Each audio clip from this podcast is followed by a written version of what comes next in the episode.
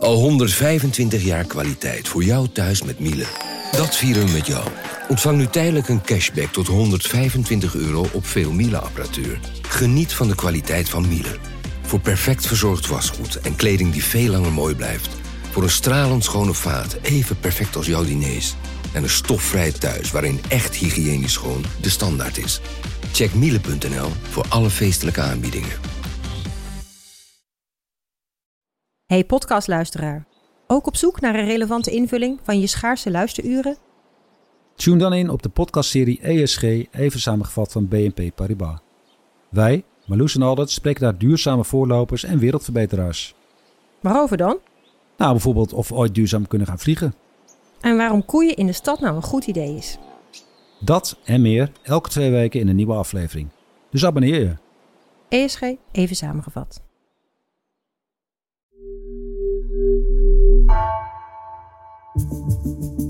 Vanuit de Tweede Kamer in Den Haag het verhaal van vandaag. Mijn naam is Floor Boon.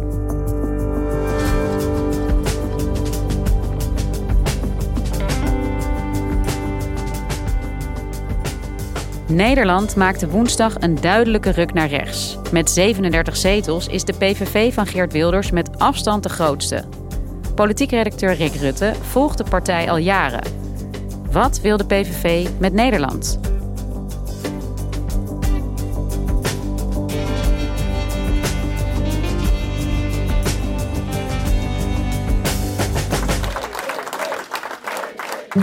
Rick, de verkiezingen zitten erop. De uitslag is bekend.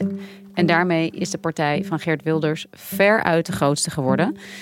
Jij volgt die partij al langer voor de krant. Ehm, en je ging donderdagochtend meteen kijken bij de fractievergadering. Hoe waren de reacties?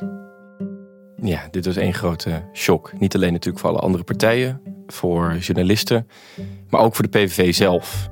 Ik kwam gisterochtend aan in het Kamergebouw om naar de, de PVV te gaan. Want ze zouden daar de, de eerste fractievergadering hebben met die nieuwe fractie, met al die nieuwe Kamerleden. En ik uh, kwam aan in het gebouw en ik liep meteen naar de lift toe. En daar zag ik Barry Madlener staan. Dat is een PVV-Kamerlid die al jaren meedraait. En ik sprong nog net op tijd de lift in met hem. En nog voordat ik iets kon zeggen tegen hem, keek hij mij aan. Van top tot teen. En toen vroeg hij, zo, en welk nummer op de lijst ben jij? Oh, hij dacht dat jij een Kamerlid was. Hij dacht dat ik een van die nieuwe Kamerleden was. Deze mensen zijn zo aan het wennen aan, aan wat ze te wachten staat. Hebben nog zo weinig van elkaar gezien vaak. Dat ze ja, eigenlijk geen idee hebben wie ze, met wie ze nu in een fractie zijn beland soms. Ja, want ze zijn ineens twee keer zo groot. Allemaal nieuwe mensen erbij. Wat merkte je daar? Wat zeiden mensen? Wat zei Wilders? Ja, het is altijd vreemd om bij de PVV langs te gaan in de Kamer. Het is bij andere partijen gebruikelijk dat je gewoon binnen kunt lopen. Bij de PVV zit dat anders. Uh, er is een dichte deur en die is heel goed beveiligd. Uiteraard, omdat Geert Wilders al jaren uh, ernstig bedreigd wordt. En dat betekent dat je daar eigenlijk ook niet binnenkomt. Dat je ook geen uh, simpele, korte, alledaagse gesprekjes hebt met die Kamerleden. Nu was de sfeer heel gespannen. Vrienden, van harte welkom allemaal. Hebben, er waren heel veel journalisten op afgekomen. Er was heel veel buitenlandse media bij. En we werden vervolgens met z'n allen eigenlijk naar binnen geloodst. En vervolgens de fractiekamer ingeleid. Dat is een plek waar ik nog nooit eerder geweest was. En die opvallend groot is. Heel veel groter eigenlijk dan voor een partij die nu uh, met 17 zetels in de Tweede Kamer zit. Uh, maar daar begon Wilders zelf ook meteen over. Die sneed eerst de taart aan. En die zei toen dat hij eigenlijk altijd de droom had gehad... dat hij deze hele Kamer kon vullen. En dat het nu met die 37 zetels eigenlijk zo goed als gelukt was. Ja, Fleur en ik hebben wel voor de grap tegen elkaar gezegd... van stel je voor dat we deze tafel helemaal vol krijgen. En het is gelukt. Nou, meer dan. Het is gelukt. En was het voor hen zelf ook een verrassing dat ze zo groot zijn geworden? Ja, ze probeerden heel erg over te komen alsof uh, ze hier prima mee konden omgaan. Alsof ze het al helemaal zagen zitten met premier Wilders. Dat ze er genoeg taart voor hadden ingeslagen. Dat de, de champagne klaar stond en dat ze dus wel op dit scenario voorbereid waren. Maar je merkte ja, bijvoorbeeld aan zo'n interactie in de lift. Aan de onwennigheid waarmee al die nieuwe kandidaat-Kamerleden het gebouw werden binnengeloodst. En uh, zonder vragen te beantwoorden langs de pers wandelden. Merkte je dat het echt een grote verrassing is. Kortom, ze zitten eigenlijk bij de PVV met de vraag waar iedereen nu mee zit. Hoe het nu verder moet. Uh, en wat ons nu eigenlijk precies te wachten staat. Het enige wat we weten is dat het initiatief nu ligt bij de PVV. Dat zeggen alle andere partijen ook. En Wilders zelf zegt dat hij ook uh, over schaduwen wil heen stappen. Dat hij heel graag wil regeren. Dat hij dat met andere partijen wil doen en dat hij wil samenwerken. Maar ja, dat wordt nu eigenlijk echt op de proef gesteld.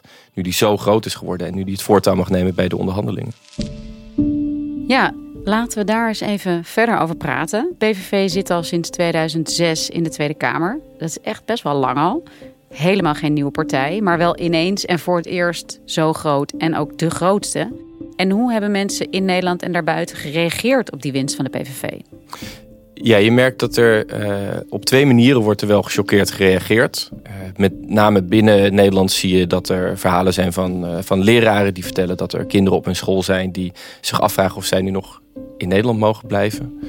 Die shock is er. Het samenwerkingsverband van Marokkaanse Nederlanders reageerde ook vol ontreddering eigenlijk. En dan zie je op internationaal niveau ook ja, verbazing, verrassing en shock. Beating predictions, celebrations break out amongst supporters of Geert Wilders Freedom Party, PVV. Muslime im Land sind besorgt, denn der 60-Jährige steht für einen Anti-Islam-Kurs. Dan gaat het al snel ook over dus de internationale koers van Wilders, wat hij in Europa gaat doen, wat hij dus met Oekraïne zou willen. It will be an absolute nightmare for the European Union. È stata una delle prime a congratularsi con Geert Wilders. Maar daarbij valt wel op dat Wilders natuurlijk al heel lang uh, een bekende naam is, ook internationaal, omdat hij ook al zo lang meedoet. En dat de shock misschien niet zo groot nu is als die 10 of 15 jaar geleden was geweest. En hoe komt het nou? Omdat er in de tussentijd andere regeringsleiders zijn geweest die eigenlijk doen wat Wilders doet. En die regeren al mee. Je ziet dat leiders als uh, Orbán in uh, Hongarije, die Wilders uitbundig feliciteren, die zijn natuurlijk ook al jaren deel geworden van het Europese circuit wat je daar eigenlijk aan ziet is dat veel van de standpunten die Wilders uh, tien jaar geleden extreem maakte, in de tussentijd zijn genormaliseerd. Niet omdat Wilders nou zozeer zijn agenda zo is gaan aanpassen, maar ook omdat veel andere partijen zijn kant op zijn gekropen. En als we dan even wat meer kijken naar waar de PVV ook voor staat, hè, naar het partijprogramma. Wat voor Nederland wil Geert Wilders? Wat voor Nederland wil de PVV? Nou, je merkt het eigenlijk al aan de titel van het verkiezingsprogramma. Iets dat je Wilders ook de hele campagne hebt kunnen horen zeggen. Nederlanders weer op één. En ik zeg jullie, Nederland, de kiezer heeft vanavond gesproken. De kiezer heeft gezegd, we zijn het zat. We zijn het spuugzat en wij willen. En daar gaan wij voor zorgen dat die Nederlander weer op één komt te staan. Er is heel veel aandacht de afgelopen tijd uitgegaan naar het islamstandpunt van Geert Wilders. Want in het programma staat nog altijd dat de Koran verboden moet worden. Uh, dat islamitisch onderwijs verboden moet worden. Dat moskeeën verboden moeten worden. Uh, we zien daarnaast dat Wilders pleit voor een asielstop. En voor het bewaken van de Nederlandse grenzen. Dus niet alleen de Europese buitengrenzen, maar de Nederlandse grenzen met defensiepersoneel. Het is een programma dat voor de rest heel veel te zeggen heeft over ja, toch bestaanszekerheid. Dat is wat dan vaak de linkse kant van Wilders wordt genoemd sociale huren omlaag, het eigen risico in de zorg weg. En dan zie je nog op een paar andere punten dat Wilders best wel afwijkt van de rest. Hij wil bijvoorbeeld de Eerste Kamer afschaffen. Hij wil het hele klimaatbeleid door de shredder halen, zo staat het letterlijk in het programma. En hij wil eigenlijk het liefst uit de Europese Unie. En het liefst in elk geval daar een referendum over organiseren. En die hele die kritische, die, die isolationistische houding, die merk je in het hele programma. Want de partij wil bijvoorbeeld ook eigenlijk geen steun meer leveren aan Oekraïne in de oorlog tegen Rusland. Als je kijkt naar het programma van de PV, als je kijkt hoe die partij in de Tweede Kamer heeft gestemd, bijvoorbeeld rond Oekraïne, dan is die partij heel erg kritisch over de Nederlandse steun. En daar weken ze echt mee af van alle andere partijen in de Kamer. Nu is er de afgelopen weken um, ja, een beetje een frame ontstaan rondom Wilders. Dat hij mild zou zijn geworden, hè? Geert Milders. Maar hoe geloofwaardig is dat eigenlijk nu als je vervolgens, zoals wij net ook hebben gedaan, kijkt naar zijn eigen partijprogramma en al die radicale punten die hij daarin toch heel erg nadrukkelijk noemt? Ja, ik denk dat het goed is om het daarover te hebben. Want wat betekent het nu eigenlijk om te zeggen dat je milder wordt als je standpunten zo radicaal waren?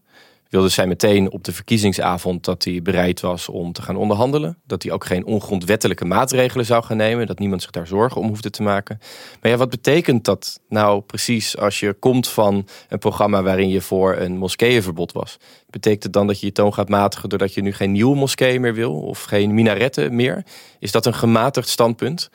Uh, hoe zie je dat voor je als je van een Koranverbod je toon gaat matigen? Ik denk dat het de afgelopen weken zoveel is gegaan over wat Wilders niet meer zou zijn. dat er daardoor vaak vrij weinig aandacht was voor waar Wilders dan wel voor zou staan en waar die wel breekpunten van zou maken. En als je dan het programma erbij pakt, ja, dan zie je dus nog steeds een heel radicaal pakket aan voorstellen. Wilders heeft nu 37 zetels gehaald, nou, dubbele van wat ze hadden. Wie zijn deze kiezers nu hè, die voor dit programma dus ook hebben gestemd? En waar komen ze vandaan? Nou, kijk je nu naar de kaart van waar de PVV het goed heeft gedaan, dan zie je eigenlijk dat de PVV overal scoort. Stad, platteland, bij elke bevolkingsgroep heeft die partij het gewoon ontzettend goed gedaan. Wat blijkt is dat er is een hele grote groep Nederlanders die de VVD naar rechts wil trekken. Of die het hele beleid naar rechts wil trekken. En die zijn al jaren op drift. Uh, die hebben op allerlei nieuwe partijen gestemd. Maar die zien uiteindelijk in de PVV toch de meest solide, ja, misschien zelfs stabiele factor om dat mogelijk te maken, om die verrechtsing voor elkaar te krijgen. En dat betekent ook meteen dat je niet om de rol van de VVD heen kunt. Want die partij heeft eerst het kabinet laten vallen afgelopen zomer over migratie, waarmee je eigenlijk al kon verwachten dat dat een belangrijk verkiezingsonderwerp werd. En vervolgens heeft Dylan Jesselgus als nieuwe lijsttrekker de deur opengezet voor samenwerking met de PVV. Ik heb gezegd, ik uh, sluit geen kiezer uit. Vraag maar aan de andere leiders, met wat voor pro uh, programma kom je? En ben je bereid om aan een tafel te zitten om coalities te kunnen sluiten, ja of nee? En dan kunnen zij uitleggen hoe zij met hun programma dat kunnen doen. Zie je ook dat er veel uh, kiezers die eerst op de VVD stemden, nu zijn overgestapt naar de PVV? Ja, verrassend veel eigenlijk wel. dat gaat toch om iets van, van 15 procent, lijkt het. Politicologen die zeggen dit ook. Die zeggen dat als centrumrechtse partijen, eh, internationaal, als die radicaal of extreemrechtse partijen inkapselen, dan kunnen ze dat op verschillende manieren doen. Soms doen ze dat door die partijen te imiteren en tegelijkertijd te isoleren. Dat is precies wat de VVD onder Rutte jarenlang met de PVV deed. En dan blijkt dat vaak goed uit te pakken voor die centrumrechtse partij. Maar als ze die partij imiteren, dus de taal en de plannen overnemen, maar die partij niet isoleren, misschien zelfs een handreiking doen, precies wat je Zielgus afgelopen zomer deed, dan kan het zomaar heel anders uitpakken. Dan zie je eigenlijk heel vaak dat juist die radicale partij profiteert. En dat heel veel mensen toch zeggen: ja, als dit dan de thematiek is waar het over gaat. En als ik weet dat ik op die partij kan stemmen en dat die partij vervolgens niet meteen per definitie is uitgesloten. Ja, waarom zou ik dan niet voor die partij gaan? Want die staat uiteindelijk het dichtst bij me. Dus ze gaan eigenlijk voor het echte in plaats van voor de kopie. Ja, precies. Een fameuze uitspraak ook van Jean-Marie Le Pen... van het, uh, het Franse radicaal-rechtse uh, Front National... nu Rassemblement National, die zei dit ook altijd. En het past ook wel bij iets wat ik zelf tegenkwam de afgelopen jaren. Ik ben vaak op pad gegaan om PVV-kiezers... en andere rechtse en ook radicaal-rechtse kiezers te ontmoeten en te spreken... En het viel me heel vaak op dat je dan zag dat een week voor de verkiezingen de PVV het nog heel erg goed deed. Dat ik ook allemaal mensen vervolgens tegenkwam die best wel neigden naar een stem op Wilders. En dat als een taartje het dan in de laatste dagen toch vaak weer inzakte. En ik dacht eerst nog dat ik misschien iets over het hoofd zag of dat ik uh, per ongeluk de verkeerde mensen had gesproken. Maar pas de afgelopen tijd bedacht ik me dat dat gewoon heel veel mensen waren die toch kozen voor een partij waarvan ze dachten, nou, die vindt ook radicale dingen. Of die kan ook het beleid naar rechts trekken. Maar die mag waarschijnlijk ook nog eens meedoen. Dus alles wat die mensen misschien wel nodig hadden was een zetje. Een teken dat de PVV ook mee zou mogen doen. En dat zetje hebben ze deze zomer gekregen. En om dan even de blik uh, te verleggen van de kiezers naar de vertegenwoordigers van de PVV. Want een partij is ook degene ja, die het gedachtegoed uitdragen. Uh, we kenden de 17 Kamerleden die de afgelopen 2,5 jaar hier in de Tweede Kamer zaten in het parlement. Hoe gaat die samenstelling er nu uitzien? Ik telde al even dat er zeven vrouwen zitten bij de 37 Kamerleden. Ja, die rekensom had ik nog niet gedaan. Maar wat mij wel heel erg opviel is dat er heel veel PVV'ers bij zitten die nu nog in de gemeenteraad of in de provincie zitten. Goede kans dat ze uh, dat niet kunnen combineren en dat ze daar weggaan. Het andere wat opvalt is dat het echt wel loszand is. Je hebt eigenlijk twee groepen. Je hebt de oude vedettes. Dat zijn dan mensen zoals Martin Bosma die al jaren meedraait. Een soort partijideoloog van de PVV. En iemand die op verkiezingsavond meteen aankondigde dat hij uh, de publieke omroep uh, volledig wil gaan afschaffen. Tegelijk, dat zijn de, de hardliners. Tegelijkertijd heb je heel veel mensen die eigenlijk nog nauwelijks getoetst en uh, onderzocht zijn. Dat zijn mensen die dan wel in de raad meedraaien, maar daar ook heel wisselend presteren. Soms ook heel dicht en soms heel ver afzitten van het PVV-geluid. En het is één ding als je een paar van dat soort mensen bij de club krijgt. Die passen zich dan vanzelf aan aan de Morris. Maar als ineens de helft van de fractie uit nieuwkomers bestaat, dan is dat wel een ander verhaal. Nou, dus het wordt, het wordt uitvinden hoe dat gaat. BV is een enorm gesloten bastion. Het is een partij, zoals we weten, die geen leden heeft of maar één lid heeft. En dat is Geert Wilders zelf. Uh, het is ook een partij waarover heel weinig naar buiten uh, komt. Maar dat betekent niet dat er geen gedoe is binnen die partijen. Denk aan de Kamerleden die de afgelopen maanden uit onvrede vertrokken en op andere partijen gingen stemmen. Maar denk ook aan iemand als Dion Graus. Dat is iemand die al jaren in de fractie zit. Maar ook iemand uh, die beschuldigd is van seksueel wangedrag. Uh, die enorm onder vuur heeft gelegen. Maar die ja, nog altijd gewoon uh, in de PVV-fractie zit. En de vraag is natuurlijk ook: stel dat de PVV daadwerkelijk gaat regeren. En dan niet in zo'n gedoogconstructie als de vorige keer. Maar dus ook ministers en staatssecretarissen gaat leveren. Kiest Wilders dan voor al die ervaren politici uit de Kamer? mensen die dus soms ook wel ja, smitten op hun blazoen hebben. Of kiest hij voor mensen die eigenlijk tot nu toe nog helemaal niet uit de kast waren gekomen als PVV'er? Ja, en dan nu even naar de vraag die voor iedereen voor ligt, waar heel veel mensen nieuwsgierig naar zijn. Wat gaat er nou nu precies gebeuren? Hoe ziet het formatieproces vanaf nu eruit? Vanmiddag komen alle partijen samen in de Kamer. Dan wordt dat uitgestippeld. Wie gaat er nu precies verkennen? Wie gaat nu het voortouw nemen in de formatie? Maar het ligt heel erg voor de hand dat het initiatief bij Wilders ligt. Dan kijken we even naar de VVD. En gisteren toen de VVD-fractie bijeenkwam... wilde Jezielkus ook duidelijk maken dat... Ja, als een partij 37 zetels haalt... dan moet je die zorgen serieus nemen. Dus dat klonk in elk geval heel erg alsof zij de PVV niet wil uitsluiten. Bij Nieuw Sociaal Contact hoorde je dat partijleider Pieter Omtzigt dat in de campagne wel deed. Die zei dat hij echt vanwege rechtsstatelijke redenen niet met de PVV wilde samenwerken. Maar dat verhaal brokkelde vanaf verkiezingsavond eigenlijk ook wel af. Daar hoorde je Omtzigt in elk geval niet meer zo expliciet zeggen dat hij het absoluut niet wilde proberen. Er komt iets bij voor die partijen. En dat is dat van de achterbannen van zowel de VVD als NSC weten we dat er een meerderheid van die mensen open staat of dolgraag wil dat er met de PVV wordt geregeerd. En dat betekent dat het heel waarschijnlijk is dat we nu gaan zien dat die partijen samen iets gaan proberen. Maar dat het niet meteen zegt of ze dat echt graag willen. Een beetje voor de bühne eigenlijk. Ja, dat zou kunnen. Dus dat betekent dat we toch een beetje gaan, ja, gaan, gaan Kremlin-watchen de komende tijd, zoals dat heet. Dat we wel dingen zien gebeuren. Dat we waarschijnlijk een poging tot een formatie zien. Maar dat het moeilijk zal zijn om daar precies uit af te leiden hoe graag die partijen dat echt met elkaar willen. En dat geldt eigenlijk ook voor de PVV. Het lijkt er wel op dat die partij het echt wil. Wilders heeft eerder geregeerd. Hij zegt dat hij het echt heel erg graag wil. Maar hoeveel concessies hij echt bereid is te doen, dat gaat echt nog wel even onduidelijk blijven. En Rick, traditiegetrouw eigenlijk levert de grootste partij uh, ook de premier. Hoe is dat nu? Hè? Ligt dat voor de hand met iemand als Geert Wilders, die ook zo omstreden is als politicus? Ja, het is eigenlijk gek hoezeer dat soms de afgelopen campagne leek weggeëpt. Dat gevoel dat Wilders iemand is met wie je niet zou samenwerken. Laat staan dat je hem tot premier zou maken. Uh, denk maar aan zijn uitspraken over minder Marokkanen bijvoorbeeld. Die zelfs voor PVV'ers toen reden waren om uit de partij te stappen. Daar begint bijna niemand nu meer over. En tegelijkertijd, en dit is het gekke, merk je dus bijvoorbeeld als je nu met buitenlandse journalisten praat, dat die zeggen: ja, Wilders was in die tijd misschien extreem, maar er zijn allerlei andere regeringsleiders bijgekomen en partijen bijgekomen die zijn gedachtegoed uitdragen. En die doen ook al mee. Neem de partij van Giorgia Meloni in Italië. Dat is een partij die uh, eigenlijk lijkt op de partij van Wilders. Die in de praktijk inmiddels nu merkt dat het best wel moeilijk is om die standpunten uit te voeren. Die zelfs allerlei immigratiedeals sluit omdat er migranten naar Italië komen. Die zijn dan weer nodig voor de arbeidsmarkt. Maar ondertussen probeert die partij nog steeds dezelfde extreme standpunten uit te dragen. Dat is vaak de grote vraag voor dit soort radicaal rechtse partijen. Die het, het systeem willen uitdagen. Die zeggen dat ze alles anders willen doen. Hoe hou je dat vol als jij zelf ineens leiding geeft aan dat systeem? Als je daar deel van bent geworden.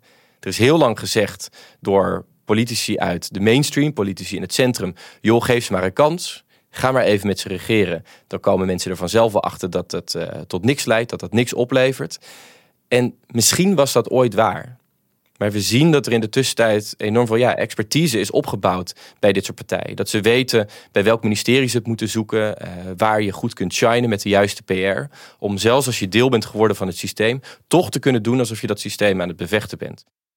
En als het nou niet lukt met Wilders, hè, om alle redenen die jij net hebt genoemd, zijn er dan nog andere coalities mogelijk? Dat kan. Um, er is bijvoorbeeld een coalitie denkbaar met uh, GroenLinks, PvdA, NSC, D66 en de VVD. Het is ook niet altijd vanzelfsprekend dat de grootste partij de premier levert. Dus het is mogelijk dat er een ander kabinet komt. Je kan andere meerderheden bij elkaar zoeken. Maar je merkt aan de reacties van alle partijen. En omdat ze kijken naar die uitslag waarin Wilders met zoveel stemmen zoveel meer zetels de grootste is geworden. En het hele electoraat naar rechts lijkt te zijn opgeschoven. Dat er eigenlijk bijna nog geen partij is die nu durft te zeggen: laten we het eerst zonder Wilders proberen. Ja, en tot slot, Rick, eh, je zegt net al, hè, er is een ruk naar rechts gemaakt in Nederland. De kiezer heeft duidelijk gesproken. Nederland schuift op. Gert Wilders zegt vaak: er gaat nu een andere wind waaien in Nederland. Hoe gaat dat Nederland eruit zien? Ik heb als politiek journalist altijd te horen gekregen dat ik geen voorspellingen moet doen over hoe coalities eruit zien en wie er verkiezingen gaat winnen. Dus dat, dat ga ik niet doen. Maar ik denk eerlijk gezegd dat als je nu de straat oploopt, uh, als je ziet hoe Nederland erbij ligt, als je praat met mensen, dat je eigenlijk merkt dat die andere wind nu al is gaan waaien. Uh, en dat dit niet een gewone uitslag is die we zo makkelijk kunnen vergelijken met vorige uitslagen. En hoe die coalitie er ook uit gaat zien, uh, de woorden van Wilders en de uitslag van woensdagavond, die heeft volgens mij nu al ontzettend veel effect gehad. Dankjewel, Rick. Jij bedankt, Floor. Je luisterde naar vandaag, een podcast van NRC. Eén verhaal, elke dag. Deze aflevering werd gemaakt door Tessa Kolen, Elze van Driel, Esme Dirks, Mila Marie Bleeksma en Jeppe van Kesteren. Coördinatie Henk Ruigrok van der Werven. Dit was vandaag. Maandag weer.